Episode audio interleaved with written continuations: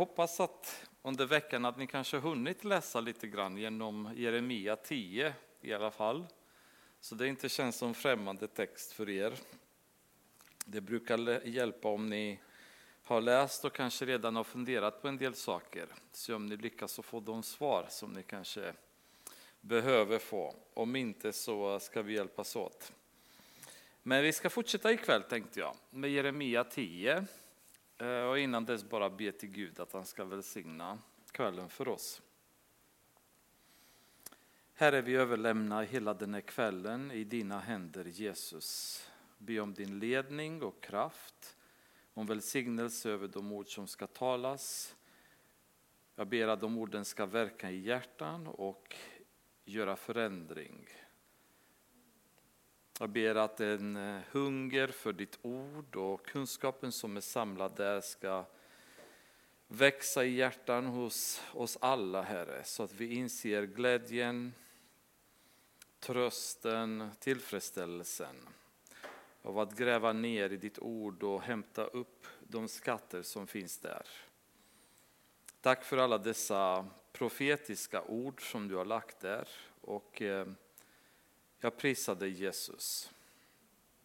För att du är med oss, du talar till oss, du bryr dig om oss varenda dag. Amen.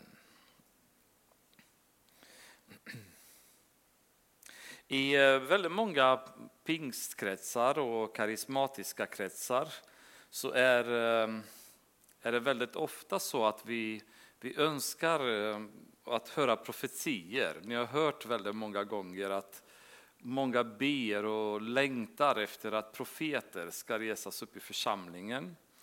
Eh, och det är ju oftast en, eh, en önskan som har funnits då. Och jag tror att vad många tänker på när man tänker på profeter, det är sådana här gammaldags pingstprofeter som under ett möte ropar med hög röst, så säger Herren. Och då skapas det en väldigt stark stämning och, och vi är med och kyrkan gråter och så vidare. Och de profeterna har funnits och finns. Dock så är det ju så att Guds ord är den som ger oss eh, de flesta profetierna vi behöver. Så att om, om Gud ska tala till oss så har han valt att största kanalen genom vilken han talar till oss är Bibeln. Och det förvånar mig att kanske personer som längtar efter profetior och längtar efter mer av de här eh, profetiska tillfällena kan vara samma människor som fullständigt ignorerar Guds ord i sitt privata liv.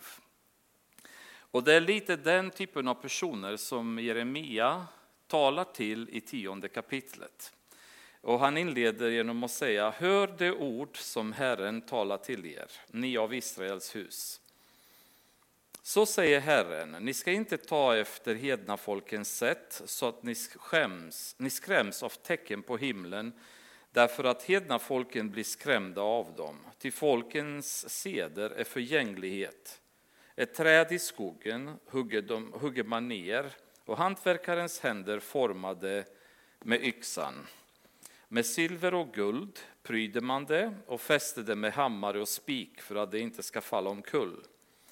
Likt fågelskrämmor på ett gurkfält står de där och kan inte tala. Man måste bära dem till de kan inte gå. Var inte rädd för dem, Ty de kan inte göra något ont och att göra något gott förmår de inte heller. Den här kapit det kapitlet är Jeremias avslutningspredikan i tempelporten som började bort i kapitel 7 och avslutas nu i kapitel 10. Och eh, ni kommer ju ihåg återigen sammanhanget då eh, Israel så att säga hade Eh, fallit ganska djupt i synd under Manasses period. Andra kungaboken, 21 kapitlet. Ehm, och gått till botten kan man säga. De hade levt i synd till och från tills dess, men under Manasses period så blev det värre än någonsin. Och han används gång på gång i Jeremia och även i andra kungaböcker där man refererar alltid till tiden, Manasses tid eller när någon kung levde i synd så, så står det att de följde Manasse i att inte tillbe Gud och så vidare. Det han hade gjort bland annat är att han hade infört en stark eh, avgudadyrkan när det gäller himmelska kroppar. I eh, Andra Kungaboken, 21 kapitlet, ni behöver inte vända för det går fort, kapit eh, vers 5, så står det, han byggde altaren åt himlens hela härskara på de båda förgårdarna till Herrens hus. Så han, han totalt införde en eh, mega tillbedjan av himlaskaran. Och det var ganska vanligt i nationerna som var runt omkring Israel och han tog med hela den här, den här seden in i Israel och blivit en del av deras liv. Då. Ehm, dock så blev det så att när kung Josia som införde de eh, reformer i Israel som Eh, rensade templet och vi har pratat väldigt mycket om vad han gjorde. Ni kan läsa i till exempel Andra Kungaboken 23 kapitlet, hela kapitlet. Allting han gjorde då, men bland annat det han gjorde när han började rensa upp i landet så var det 23 kapitlet, vers 5, Andra Kungaboken. Han avsatte också de avguda präster som judakungar hade tillsatt för att tända offereld på offerhöjderna i judastäder och runt omkring Jerusalem, liksom de som tände offereld åt Baal, åt solen, åt månen, åt stjärnbilderna och, och åt himlens hela härskara. Så Josia kom in och rensade bland alla de här prästerna, fick bort alla de här offerhöjderna. Vers 11 och 12, samma kapitel, stod det, han tog bort de hästar som judakungar hade invigt åt solen och ställt upp så att man inte kunde gå in i Herrens hus vid hovmannen Netan Meleks kammare Parvarim. Solens vagnar brände han upp dem. Så Josia kom in och i full kraft förstörde hela det här systemet av ehm, som vi kallade för astraldyrkan då, där de dyrkade solen och månen och stjärnorna och stjärnbilderna och allting då som de hittade på himlen. Och Gud säger här i vers eh, 2 och 3 att man ska inte ta efter hedna folken och tillbe dessa. Och det intressanta är att även idag, så även i vår civiliserade värld, så tillber folk fortfarande de här eh, föremålen. Hela horoskopsystemet som ni hittar i slutet på Aftonbladet och i princip i varenda damtidning eller sån här veckotidning så finns det alltid horoskop som man ska läsa vad som kan hända och så vidare och det finns ju alla möjliga Eh, specialister som kan tolka horoskopet och så vidare. Och för mig är det helt obegripligt att någon människa vid sina sinnesfulla bruk kan överhuvudtaget tro på sånt. Men det finns väldigt många människor som tror på det och anser att stjärnornas rörelse och bild och så vidare, planeternas rörelse, kan påverka det som kommer hända i våra liv. Och eh, Problemet med det också det är att folk blir också rädda, de blir ångestfyllda. Och det var ju precis det som hände i Israel.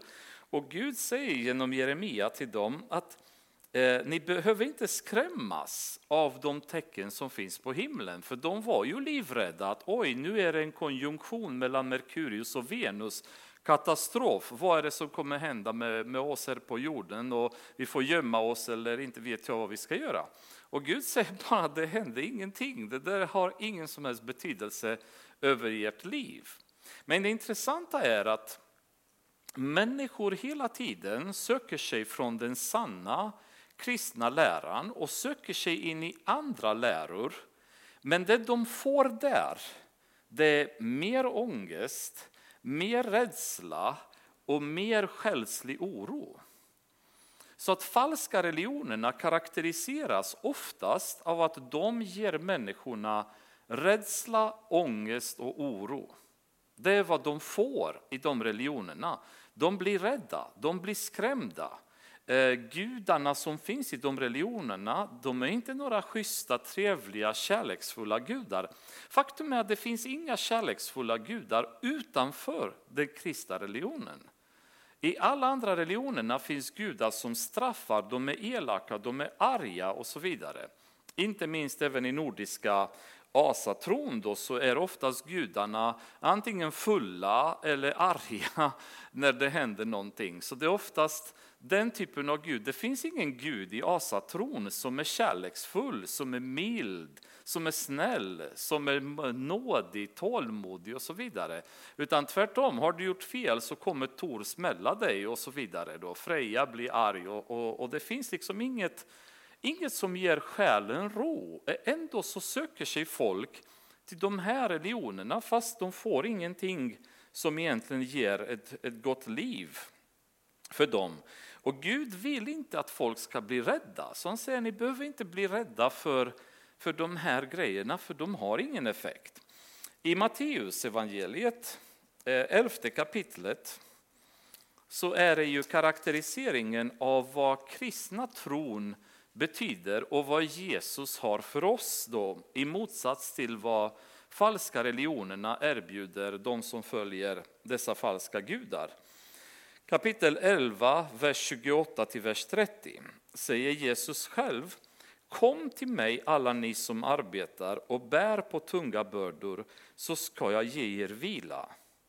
Ta på er mitt ok och lär av mig, ty jag är mild och ödmjuk i hjärtat. Då ska ni finna ro för era själar, ty mitt ok är milt och min börda är lätt. Det är skillnaden från vad Gud erbjuder oss genom Jesus. Ehm, finns det någon religion som ni känner till eller någonsin har hört om där deras Gud karaktäriseras, karaktäriseras som mild och ödmjuk? Jag har försökt att tänka och jag kan inte komma på en enda där deras Gud är mild och ödmjuk. Men Jesus säger kom till mig för det är så jag är. Jag är inte den här elake som ska straffa er, som ska slå på er, som ska jaga er och tvinga er till massa saker som inte är bra för er och skapa oro i era hjärtan, utan jag är mild. Mitt ok är lätt. Min börda är inte ett problem för er att bära. Det, det, ni, det ni kommer få av mig, det är ro till ert hjärta, det är en frid som övergår all förstånd. Och det är ju också lite grann ehm, motsägelsen som, han, som blir i mitt hjärta ibland när jag ser människor som vandrar från tron och går tillbaka in i världen och tänker väldigt många gånger på vad är det de går till? Vad lämnar man och vad går man till? För jag kan tänka mig säga att du har lämnat en församling. Du kan alltid säga att de har varit otrevliga mot mig eller jag har inte varit eh, jag har inte känt att jag har vänner där och så vidare. Men att de lämnar Gud och Jesus för att gå till världen, vad får man där? När Jesus vände sig mot lärjungarna efter några hade lämnat honom så vände han sig mot, mot, mot dem och säger, ska ni inte också ni lämna mig? Och då, då frågade de Jesus tillbaka, och vad ska vi få istället? Vad ska vi lämna dig för? Det finns ingenting som ger oss ro, som ger oss frid, som ger oss kärlek så som vi får när vi lever nära dig. Och det är ju en väldigt skön inledning på den här, det här kapitlet där Gud börjar med att säga att ni är frestade att tillbe andra, andra religioner, andra saker, men tänk på att det här är bara skrämmande för er. Ni mår inte ens bra utav det. Sen vidare kan man säga så går in i en eh, ganska så komisk beskrivning av vad idolatrin är. Och vi kan läsa det igen. Till folkens seder är förgänglighet. Och så börjar med att säga, ett träd i skogen hugger man ner. Sen kommer hantverkarnas händer och forma det med en yxa. Med silver och guld pryder man det och fäster det med en hammare och spik för att det inte ska falla omkull. Likt fågelskrämmor på ett gurkfält står de där och kan inte tala. Jag tycker den här bilden är väldigt skön. Då. Likt fågelskrämmor på ett gurkfält. Står de där och kan inte tala. Och man måste bära dem till de kan inte gå. Och ehm, det som hade hänt det var att när kung Josia kom så avlägsnade han offentligt allting som hade med avgudadyrkan i landet och röjde verkligen på alla höjder och överallt och krossade altare och till och med grävde upp ben och brände dem på altare och gjorde verkligen en total upprensning i landet. Ehm, och hade rensat templet. Och nu hade folk hittat en ny identitet med templet och en slags försäkring att om vi går till templet på sabbaten då har vi Guds beskydd. Men problemet var att de hade fortfarande sina idoler hemma hos sig. De hade Baalerna och de hade alla de här idolerna som de fortsatte att tillbad. Men sen när det var sabbatsdagen, då gick de alla till templet och sa Herrens tempel, Herrens tempel, ni kommer ihåg det. Och det, i deras värld så kände de att nu är vi religiösa, nu, nu gör vi det vi ska, vi går på sabbaten till templet och säger Herrens tempel, men de hade fortfarande inte förstått Andra Moseboken 20 kapitlet vers 3 där Gud säger du ska inte ha andra gudar vid sidan av mig.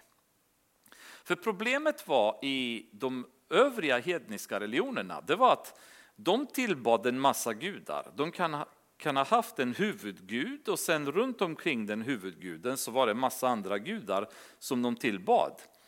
Och för de eh, övriga människorna, så att säga, det var självklart att det är så man gör. Men Gud i Israel hade infört något helt nytt som inte existerade tidigare. Det vill säga att det finns bara en Gud. Eh, ni kommer ihåg den här klassiska eh, Lyssna du Israel, Shma Israel som de säger fortfarande och de, de upprepar när de står vid muren då. Din Gud, det är bara en Gud. Och det är liksom hela den här trosbekännelsen som de upprepade gång på gång på gång ända till idag. Det sjungs, det upprepas i, hos judarna. Eh, lyssna o Israel, din Gud är en. Och det är ju liksom något helt nytt som de fick lära sig. Men under den här avgudadyrkeperioden då hade Gud blivit en del av deras andra gudar. Och trots att Josia hade förändrat landet på utsidan och rivit ner det som inte ska finnas. I hjärtat så var folket fortfarande fast vid sina idoler. Och de tillbad dem i sina hem, men på sabbaten så gick de till templet och då var de religiösa judar och det var så underbart att vara i Herrens tempel. Och vi kan tycka att det här är lite, eh, lite märkligt kan man säga, men det är ju precis det många av oss gör eh, också, eller hur? Där vi lever ett liv under veckan som skiljer sig från det liv som vi lever på söndagen.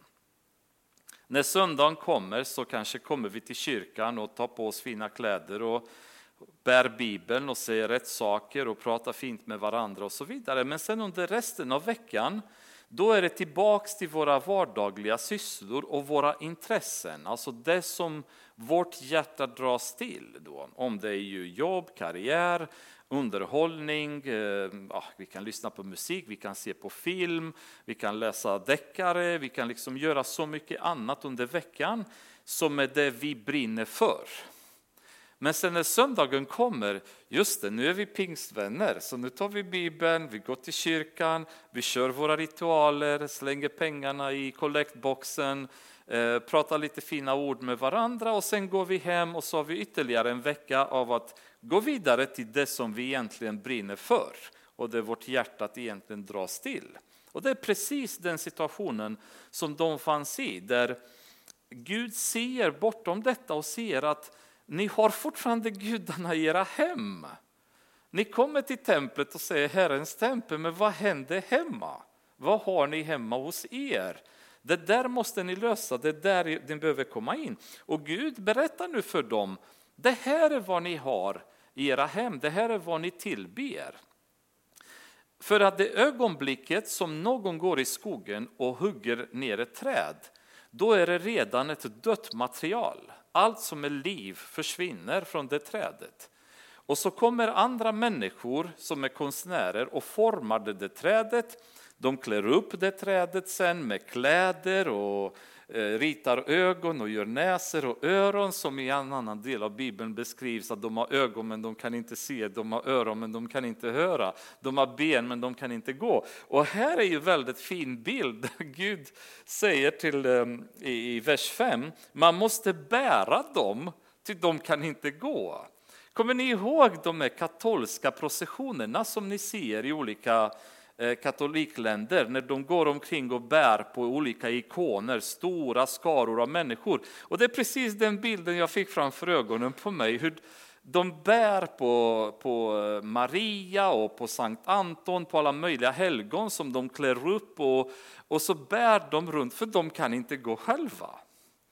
Och dessutom så måste de, de spika fast dem i sina hem och i sina tempel för att annars trillar de omkull.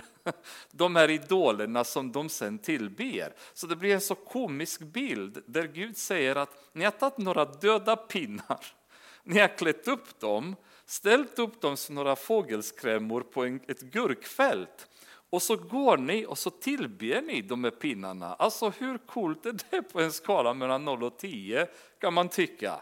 Hur sinnessjuk en människa måste vara som gör något sånt.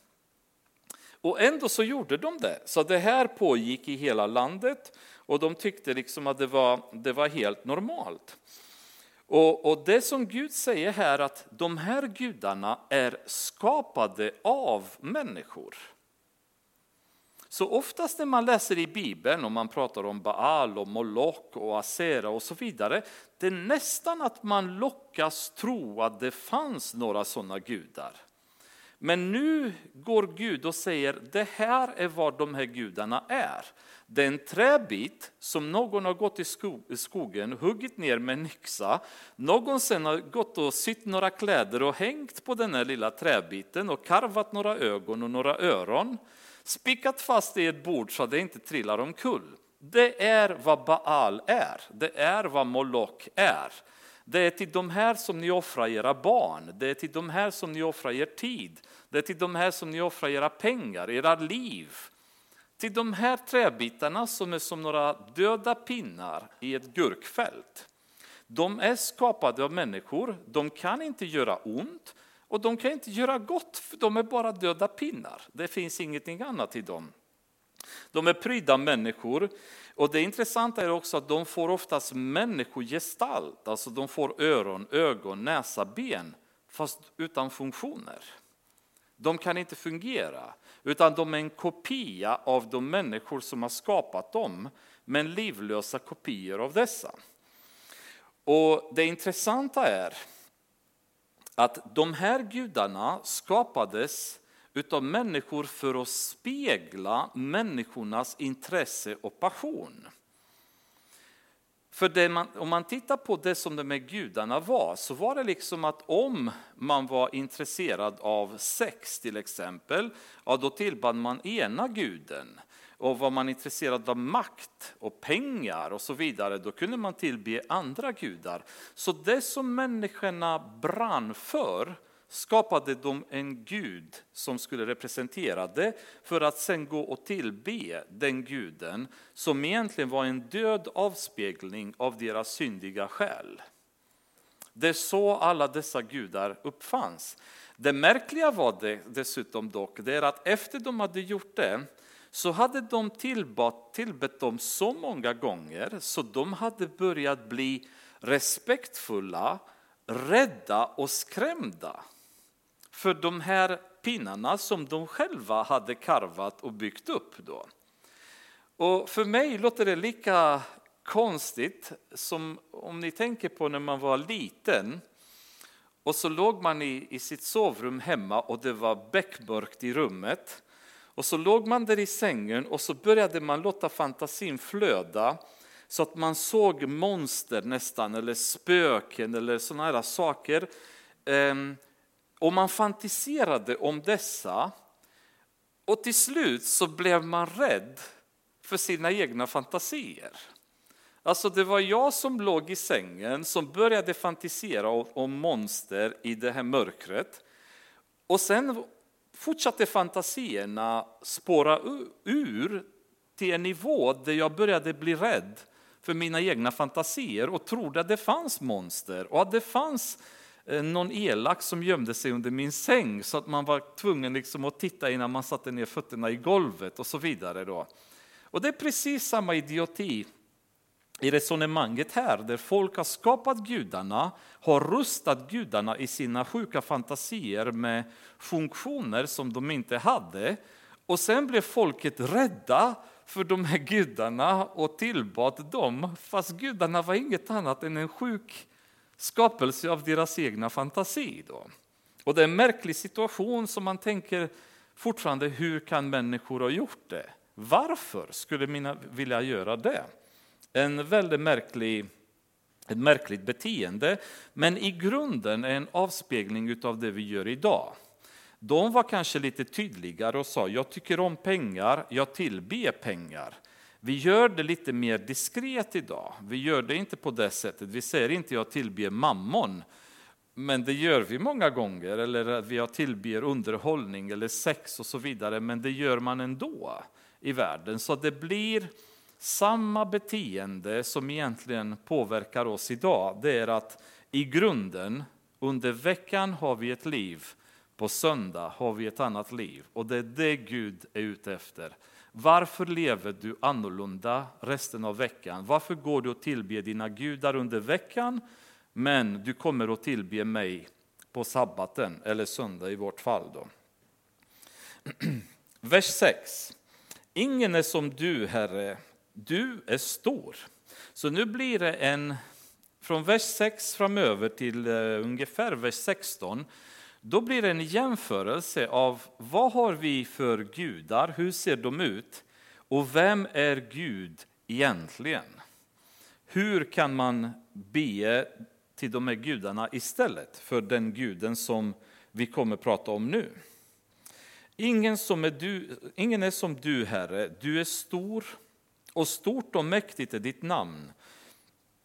Vem skulle inte frukta dig, du folkens konung? Till fruktan tillkommer dig bland folkens alla visa. Och i alla deras riken finns ingen som du. Alla är de oförnuftiga och dåraktiga. Från förgängliga trädgudar hämtar de vägledning. Silvret som hamrats ut har förts in från Tarsis och guldet från Ufas. Det som träslöjdare och guldsmeder har gjort blir sedan klätt i blått och purpur. Allt är tillverkat av konstnärer, men Herren är den sanne guden.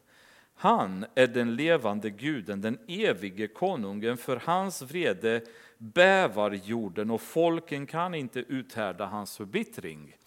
Så Gud är inte någon som är skapad av någon, utan han är den sanne evige guden. Och han säger i princip i Jeremia att om ni ska vara rädda för någon, då är det Gud ni ska vara rädda för.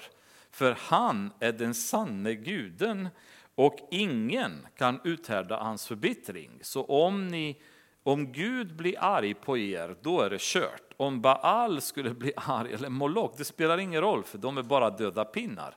Men se till att inte Gud, den levande sanne guden, blir arg på er. Så ska ni säga till dem, de gudar som ni har gjort, de, de gudar som inte har gjort himmel och jord skall utrotas från jorden och inte finnas kvar under himlen. Han har skapat jorden genom sin kraft. Han har grundat världen genom sin vishet och genom sitt förstånd har han spänt ut himlen. När han låter sin röst höras, då brusar himlens vatten, då låter han regnskyar stiga upp från jordens ände. Han gör blixtar åt regnet och för vinden ut ur dess förvaringsrum. Alla människor står då som dårar utan förstånd alla guldsmederna kommer på skam med sina avgudar, till deras gjutna gudabilder är bedrägeri. Ingen ande är i dem. Förgänglighet är de, ett verk som väcker åtlöje. När straffet kommer över dem förgås de. Sådan är inte han som är Jakobs del, han är den som har format allt och Israel är hans arvedels stam. Herren Sebaot är hans namn. Om vi eh, öppnar till Jesaja, 46 kapitlet. I vers 3 så står det så här. Så hör på mig, ni av Jakobs hus, alla ni som är kvar av Israels folk, ni som har varit lagda på mig från moderlivet, burna av mig ända från moderskötet. Ända till er ålderdom är jag denne, och till dess ni blir grå ska jag bära er. Så har jag hittills gjort, och även i fortsättningen ska jag stödja er. Jag ska bära och rädda er. Så Gud visar nu att jag är inte den som ska bli buren av er, som de här gudarna, utan jag bär er. Jag har burit er genom allt. Jag har burit er genom havet, jag har burit er genom öknen. Jag har sett till att ni har haft allt ni har behövt. Ni har haft mat, ni har haft kött, ni har haft vatten, ni har vunnit strider. Det är jag som har fått ner murarna vid Jeriko. Det är jag som har varit med er i strider när Mose och Aron och Hur höll händerna uppe och, och solen stannade på himlen för att de ska kunna vinna striden. Han har varit med dem och burit Israel i sin hand. Så han försöker att göra en en jämförelse mellan, ni valde att tillbe några döda pinnar som ni själva huggit ner från skogen jämfört med att tillbe mig. Ni bär de här gudarna, ni måste spika fast dem fast annars trillar de omkull. De har inga fötter att gå. Men jag bär er genom allt och ändå så finner de inte Gud värdig. Så om man fruktar någon då ska man frukta den som har skapat jorden genom sin kraft, vers 12. Den som har grundat världen genom sin vishet och genom sitt förstånd. Han som har spänt ut himlen. Eh, när hans röst hörs så brusar himlens vatten. Han som låter regnskyar stiga upp från jordens ände, som gör blixtar åt regnen och vinden kommer ur förvaringsrummet. Och ni är inte rädda för mig skulle Guds fråga vara. Ni är rädda för de här döda pinnarna som fågelskrämmer i ett gurkfält, men ni är inte rädda för mig. Ni förstår inte vem jag är, den enda sanne guden. En väldigt stark kontrast från en fågelskrämma i en, en gurkfält kan man säga. Och man kan tycka att, att det är ju rena dumheten att inte tillbe Gud och vers 14 bekräftar det. Alla människor står då som dårar utan förstånd. Alltså du kan inte vara någorlunda intelligent människa och se allt detta och ändå vägra tillbe Gud och erkänna honom. Och det är, det är fortfarande så jag, jag känner idag Oavsett hur intelligenta människor de är, de kan vara forskare, vetenskapsmän, läkare, politiker, statsmän, vilken som. I mina ögon är de inget annat än dårar om de inte tror på Jesus Kristus. Om de inte förstår vem Gud är och inte tar emot honom så är det rena dårskapet. Det finns ingenting annat. När man ser allt detta, när man ser vem Gud är och ändå vägrar tro på honom, så finns det inget annat ord än att man är en dåre. Och när man ser också vad Gud har gjort, så också igen kommer frågan, varför skulle du vilja tjäna någon annan under resten av veckan och Gud bara på söndag? Varför skulle du inte vilja leva med honom varje dag? Varför skulle du inte vilja ha en relation med honom varje dag? När han som har skapat jorden, som, som drar igång blixtarna, som spänner upp himlen, säger jag vill ha tid med dig. Jag vill umgås med dig, jag vill prata med dig, jag vill låta en del av mig prägla ditt liv så att du blir mer lik mig. Varför skulle inte jag vilja göra det? Hur smart är det beteendet från oss då som inte vill umgås med honom så mycket som vi bara kan eftersom han är den han är. Alla guldsmederna, vers 14 också, kommer på skam med sina avgudar till deras gjutna gudabilder är bedrägeri. Och det här ordet bedrägeri skulle jag vilja stanna vid, därför att om det är så att det är jag som skapar en Gud, vem det nu är, då måste jag ha ett syfte med att skapa den här guden. Då vill jag uppnå någonting. Och det är ju poängen med falska religionerna, att de är startade av män med ett syfte till att bedra män till något annat än den sanna religionen och den sanna guden. Jag vill få människorna att göra något annat. Jag vill dra en fördel av det. Jag vill uttrycka mitt hat gentemot Gud och skapa en egen religion där jag ska ha mina egna koncept och mina egna regler.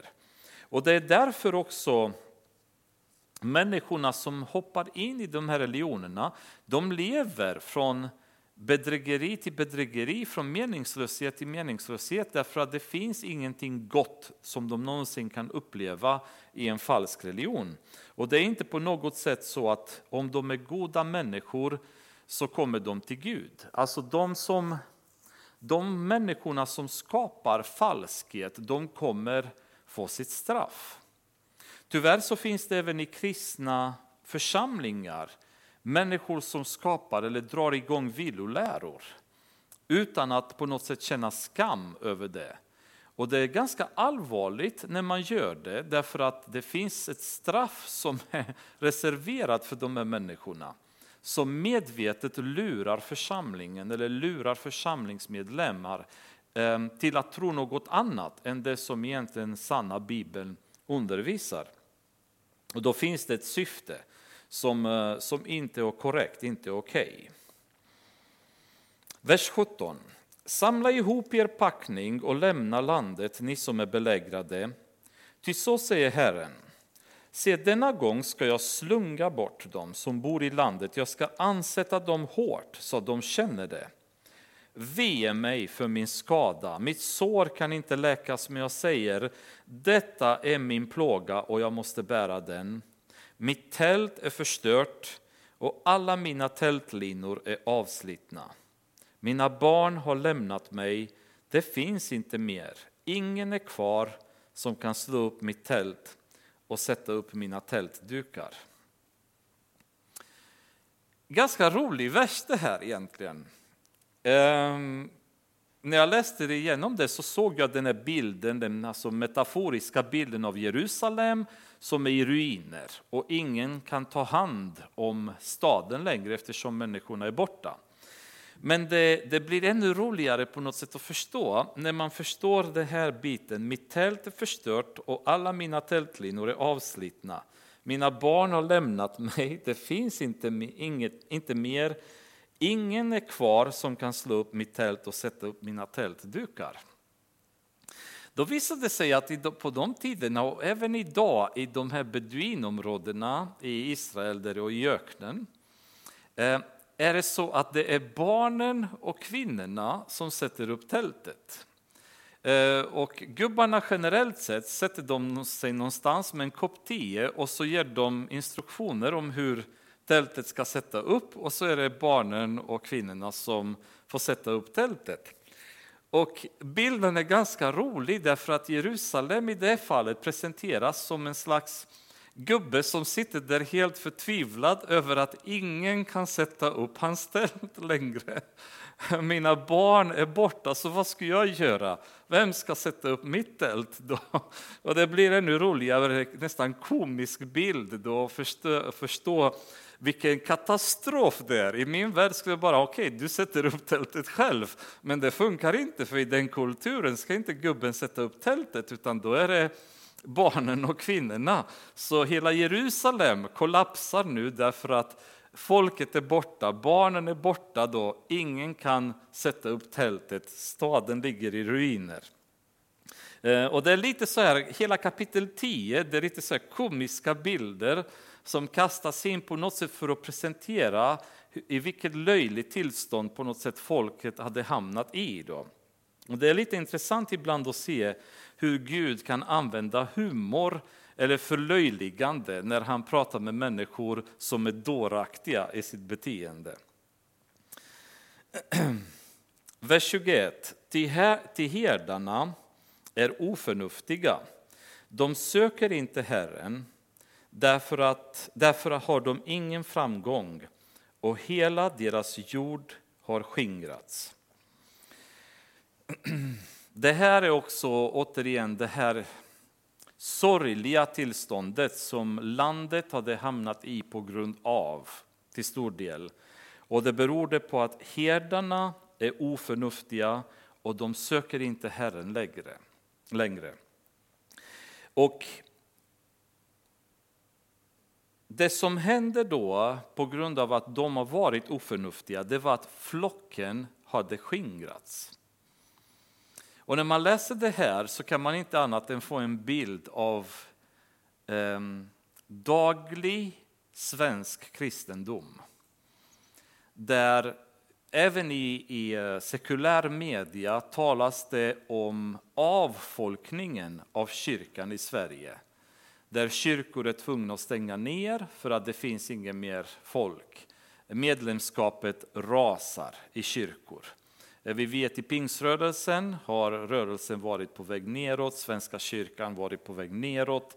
Det finns en mass avfolkning av församlingar i Sverige, oavsett nästan vilken denomination man pratar om. Då. Kan detta vara en anledning till att folket försvinner från kyrkorna? Därför att herdarna är oförnuftiga och de söker inte Herren längre. Kan det vara så att herdarna är mer intresserade av att ha häftiga möten i kyrkorna istället för att söka Herren? Kan det vara så att det är mer intresse för att vara politiskt korrekta i våra församlingar än att vi söker Herren? Kan det vara så att vi är mer intresserade av att berätta eh, roliga historier eller trevliga historier för församlingarna än att vi söker Herren tillsammans med församlingarna? Kanske så att vi är mer intresserade av att berika oss, av att skaffa oss ett namn, än att vi ska söka Herren.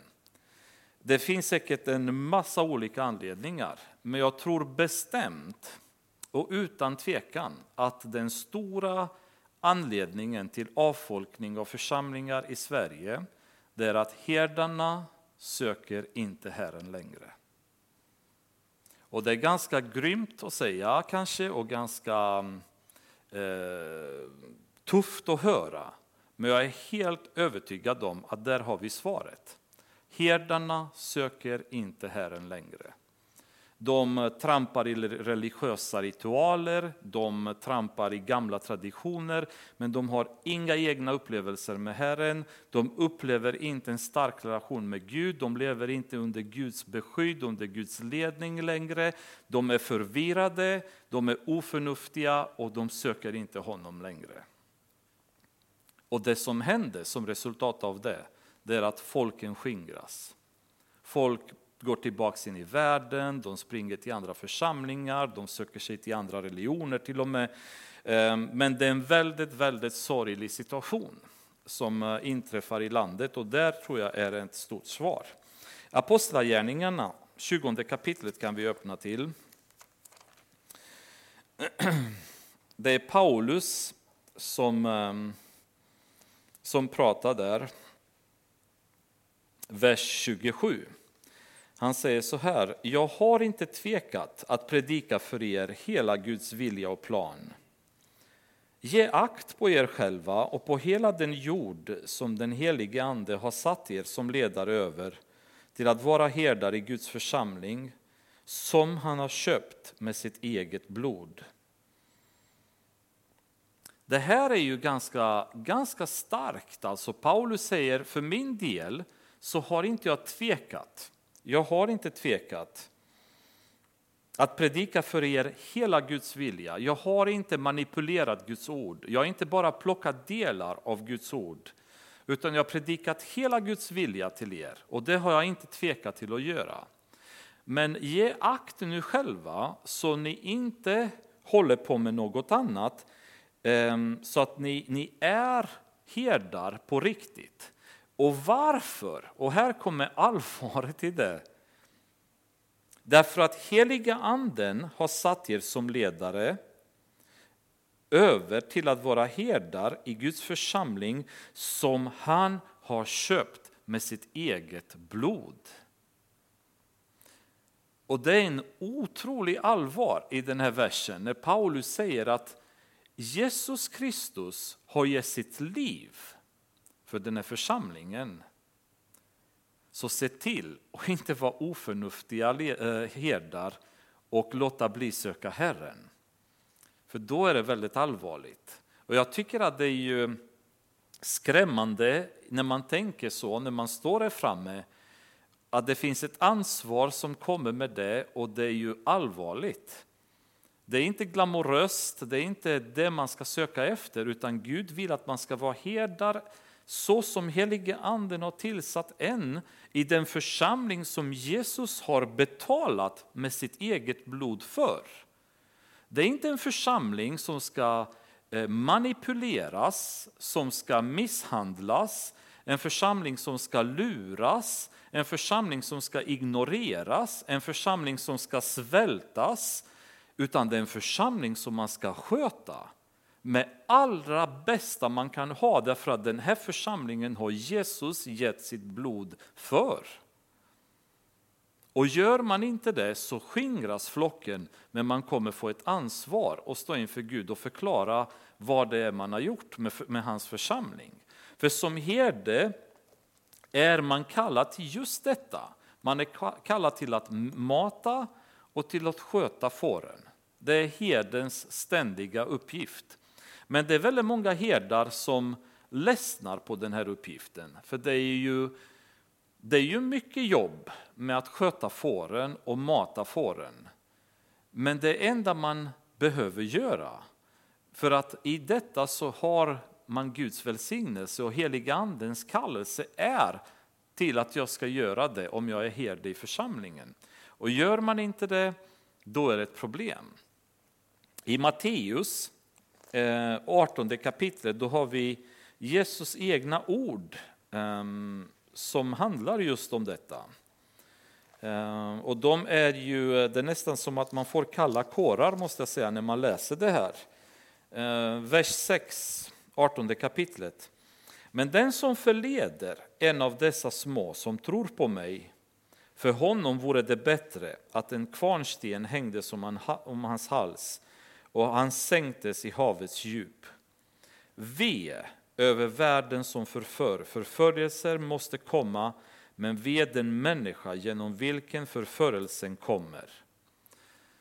Ve den människan genom vilken förförelsen kommer. Den pastorn, den predikanten, den prästen som har suttit och predikat politiskt korrekta saker istället för Guds ord. Den som har predikat sina egna åsikter och sina egna idéer istället för Guds ord. Den som har lett människor på viloväggar och stått här framme vid predikostolen. Ve en sån människa, säger Jesus. Det hade varit lättare att bara hänga en kvarnsten runt halsen på honom än det som, komma, som komma skall. Det är ett otrolig, en otrolig Ehm, ett otroligt ansvar man har som ledare, som herde i en församling. Och I det här fallet så är det ju så tydligt att Gud säger att det är herdarna som inte gjort sitt jobb. Och det, det, här, det, kan ha haft att göra med prästerskapet, det kan ha haft att göra med kungen och politikerna och så vidare. Jag tror bestämt att Gud kommer att hålla politikerna ansvariga för ett lands välbefinnande att de leder ett land åt fel håll kommer de stå till svars inför Gud för. Det är jag helt övertygad om. För vi vet att det är han som tillsätter kungar, det är han som tillsätter, politikerna, premiärministrarna, statsministern och så vidare. Och han kommer att hålla dem till svars. Han kräver att vi ska vara lydiga dessa människor. Varför? Därför att de är tillsatta av honom. Men då kommer ett ansvar med det. De kommer att stå inför Gud och behöva förklara vad har jag gjort med Sverige när jag lett det här landet? Har jag varit en herde eller har jag sett min egen ficka? Har jag försökt att berika mina kompisar? Har jag försökt att lura folket? Har jag stått och ljugit för nationen i intervju efter intervju efter intervju och inte sagt sanningen till folket? Hur har jag hanterat det här landet? Och likväl som pastorer och församlingsledare och äldste kommer behöva stå inför Gud och förklara vad har vi gjort med Guds församling? Hur behandlar vi Guds församling? Men i, i, i gengäld så tittar man på vad Paulus har gjort och han säger, jag har inte tvekat. Jag har inte tvekat att dela med er hela Guds ord. Det är där hans fokus har varit. Mata, mata, mata, mata församlingen med Guds ord. Värna om flocken. Det är ju den enda uppgiften som man har som ledare. Man har ingen uppgift att frälsa världen. Man, man, kan inte göra det som församlingsledare. Det är väldigt många som missuppfattar sin uppgift. De tror att de ska vara evangelister, de som är pastorer. Men evangelisten är en annan tjänst. Evangelisten är ute och evangeliserar, men du som herde, du ska mata fåren, du ska sköta om fåren. Och så fåren kan växa, kan bli, kan bli friska, kan bli mätta, kan föda lamsen själva. För när fåren är friska då, då går de ut och föder lamm. När, när vi i församlingen är fulla av Guds ord och heligande, då är det inte svårt att evangelisera våra grannar och våra kompisar och bussfolk som vi åker med till stan eller vad som helst. Det kommer bli naturligt. Det, det, det roligaste vi kommer göra det är att prata om Gud.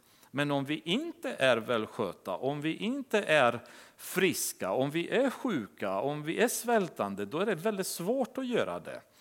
Och då är herdens uppgift att ta hand om flocken. Och idag är det väldigt många herdar engagerade i evangelistiskt arbetande och struntar fullständigt i församlingen. Folk bara förtvivnar andligt, de får ingen mat, de får ingen skötsel.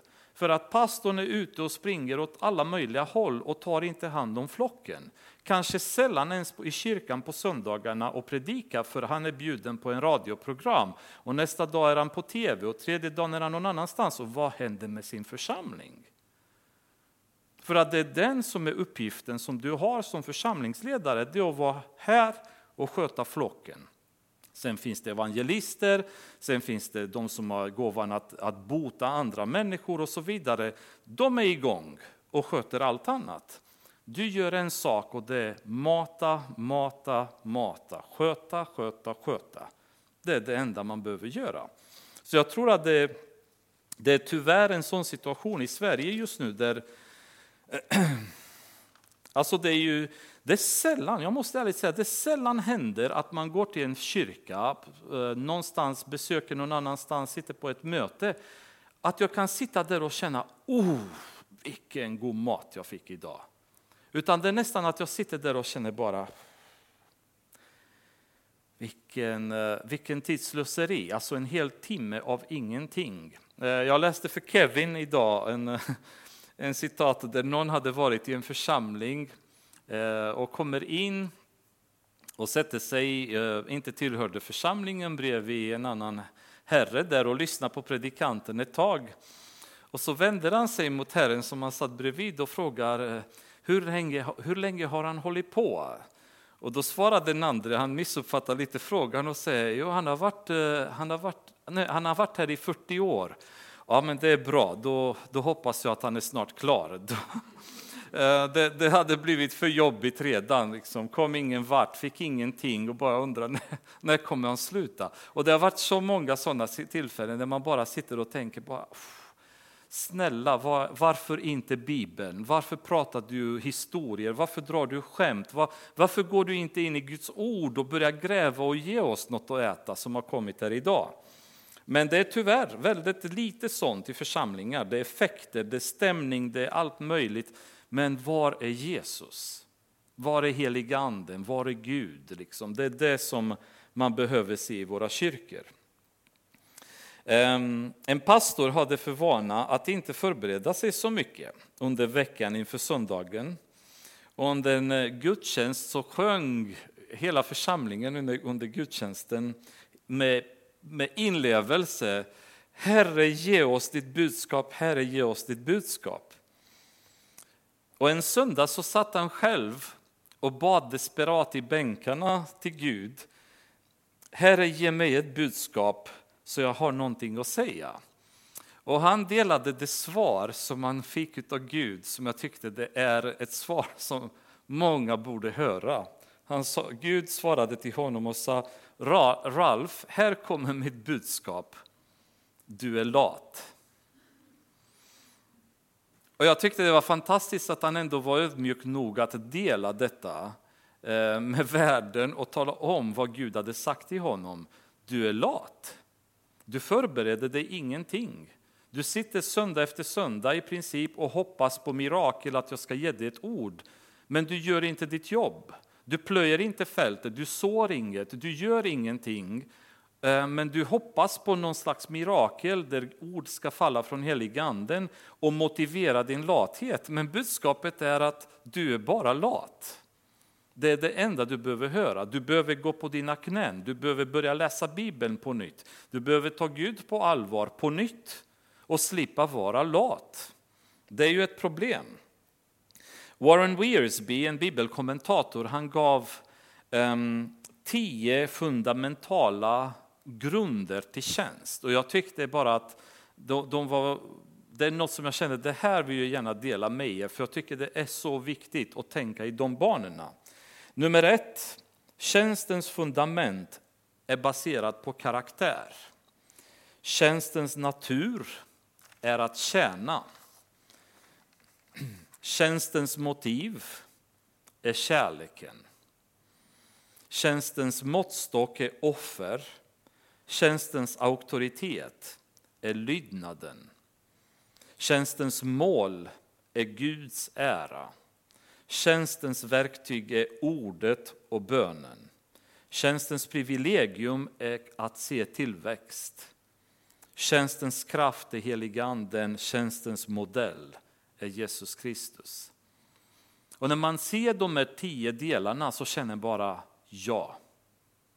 Ja, fokus på rätt saker, inte på fel saker. Eh, jag ska ha Guds ära som mål. Modellen är Jesus Kristus. Kraften kommer från heliganden. Eh, auktoriteten till församlingen ska komma från mitt sätt att lyda Gud. Då får jag en auktoritet, då lyssnar församlingen på mig. Jag behöver inte tvinga församlingen att lyssna. I USA är det väldigt populärt och det har till och med krupit in i Sverige ett antal församlingar det man kallar för the shepherding movement. Där pastorn har en slags diktatorisk auktoritet i församlingen och församlingen bara blint ska följa honom därför att han är utsatt av Gud. Men det sättet de använder det, det är genom att förtrycka församlingen. Där pastorn är inte en, Eh, han, han tjänar inte församlingen utan församlingen tjänar pastorn. Och pastorn styr och ställer efter bevåg. Och, och det finns ju tendenser i vissa svenska församlingar av det här um, shepherding movement att komma in. Där pastorerna har fullständigt tappat greppet och förstår inte att jag är där för att tjäna församlingen. Och jag är där för att lyda Gud. Jag är där för att ge Guds ära, inte för att jag ska synas, jag ska få ära och jag ska få beröm och jag ska få auktoritet som jag på något sätt ska påtvinga församlingen. Herdarna är oförnuftiga, de söker inte Herren, därför har de ingen framgång och hela deras jord har skingrats. Vad enkelt det vore. Den versen borde man spika fast i många församlingar. När folk sitter där och bankar sina huvuden mot väggarna och undrar vart tar alla våra medlemmar vägen? Ja men titta orsaken till det. Det är därför medlemmar försvinner. För att de får ingen mat, de skingras. Och de blir anemiska, det är bebisar som aldrig har vuxit. Och man kan inte förvänta sig att de ska förstå vikten av att följa Gud och hur man gör, för de har inte vuxit i den nivån. Det är ingen som har tagit hand om dem och bara skingras. De har suttit på möten år efter år, de har hört lovsång och musik och någon predikar då och då och så vidare, men de har aldrig fått mat, de har aldrig vuxit och kommit ingen vart och ser inget behov av att fortsätta.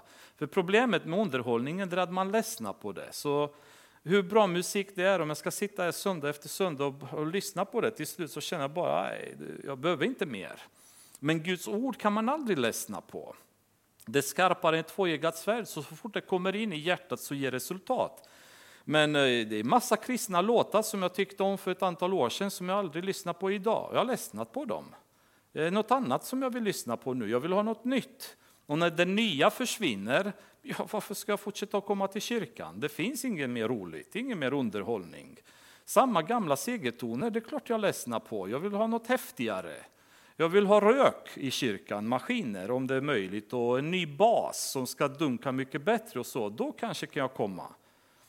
Men till slut så försvinner folk. Så fort vi är på bebisstadiet, så fort vi inte får som vi vill, så drar vi iväg, eller hur? Det är bebisens karaktäristiska eh, inställning. Jag måste få som jag vill. Jag vill ha det nu helst dessutom. Så vi, inte, vi har aldrig kunnat komma till vuxennivå där vi ska agera som andliga mogna människor för att vi får ingen mat. Om vi inte får någon mat, ja, men hur ska vi fortsätta att växa och hur ska vi fortsätta att vara motiverade? Och när, när svenska kyrkorna går om, omkring och klagar efter medlemsfall, inte undra på det när 14 procent av pastorerna eller prästerna i Svenska kyrkan inte ens tror på Gud. Hur ska människor komma till kyrkan, till en sån kyrka? Lyssna på vad? På fina körer från Sebastian Bach, men det kan jag gå och lyssna på operan i Stockholm eller Göteborg. Jag behöver inte gå i Svenska kyrkan och de är dessutom mycket bättre musiker om man får tycka. Det finns ingen som helst anledning. Och så ska jag göra yoga i Svenska kyrkan, ja, men då går jag till en yogacenter istället, inte i Svenska kyrkan. Så herdarna är oförnuftiga och de söker inte Gud. Och det som händer det är att flocken skingras. Folk går. Det finns ingen anledning att vara i kyrkan längre när inte församlingen tillhör Jesus längre. När inte han är huvudet, när inte han styr, när inte heliganden driver verksamheten utan det drivs av människor i människokraft. Det är ju det stinker och det är otrevligt och det är ointressant och det är tråkigt och det är dött och därför ingen vill vara med och komma. Men vänta till en församling får ett besök av heliganden och det blir väckelse. Det kommer folk strömma.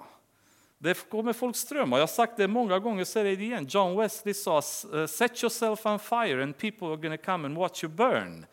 Sätt dig själv, bli brinnande för Gud så kommer folk strömma för att se dig brinna.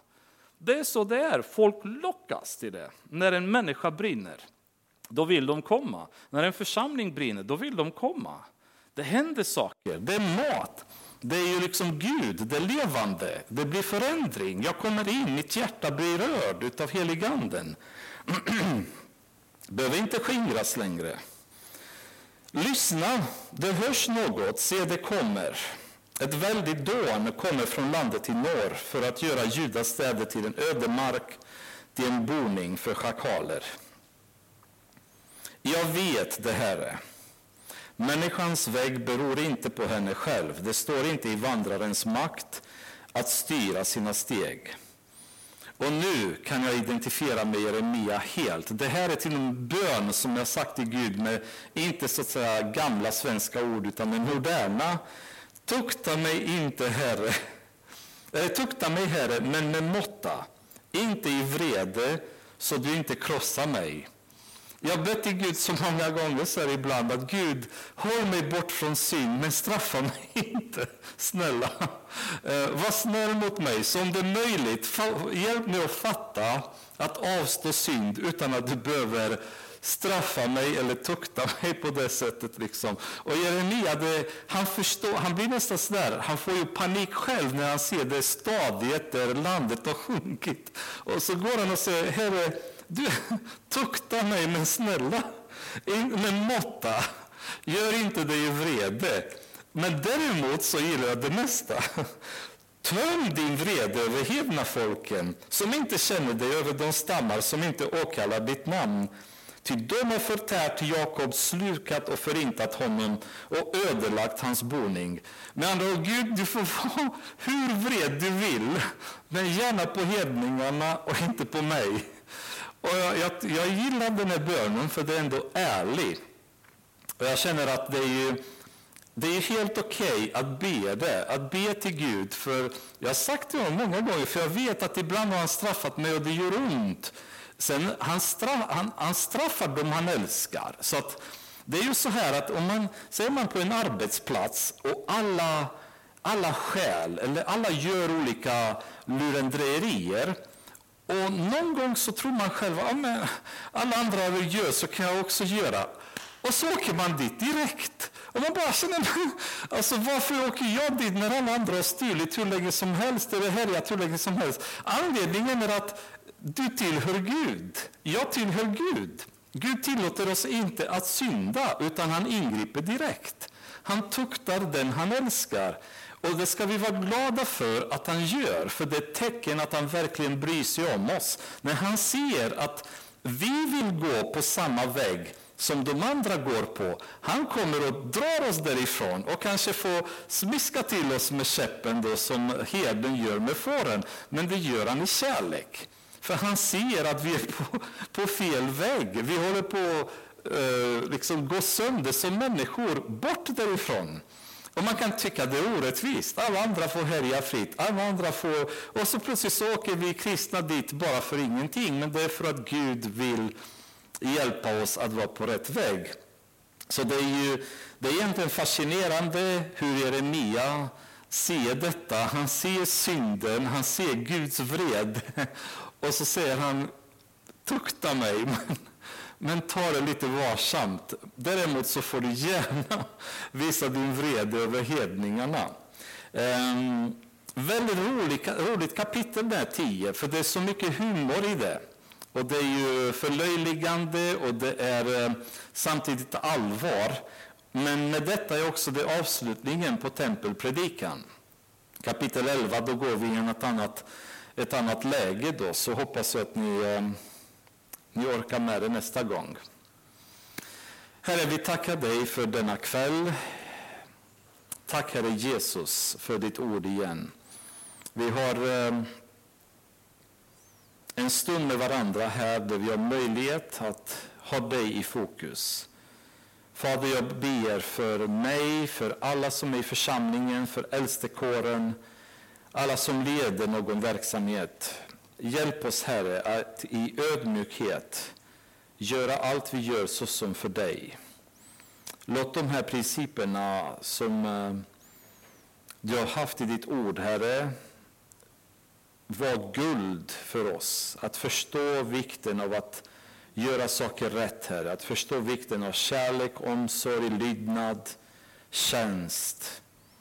Förstå vikten av att ha dig som modell i våra liv, Jesus. Att ha heligandens kraft så att Gud alltid får äran och aldrig oss. Och ibland är det svårt, Herre, för vi tänker så invecklat, vi människor. Och vi har lärt oss att tänka perverst och inte riktigt vara ärliga ens gentemot dig många gånger. Det krävs ibland många, många stunder i bön innan vårt hjärta blir riktigt, riktigt ärligt med dig. Jag ber, Herre, för mer av en ärlighet i vårt hjärta för gentemot varandra, gentemot dig, Herre, att lögn, falskhet, dolda motiv ska aldrig existera, Herre, utan det ska vara ja och amen och in, ingenting annat. I Jesu namn. Amen.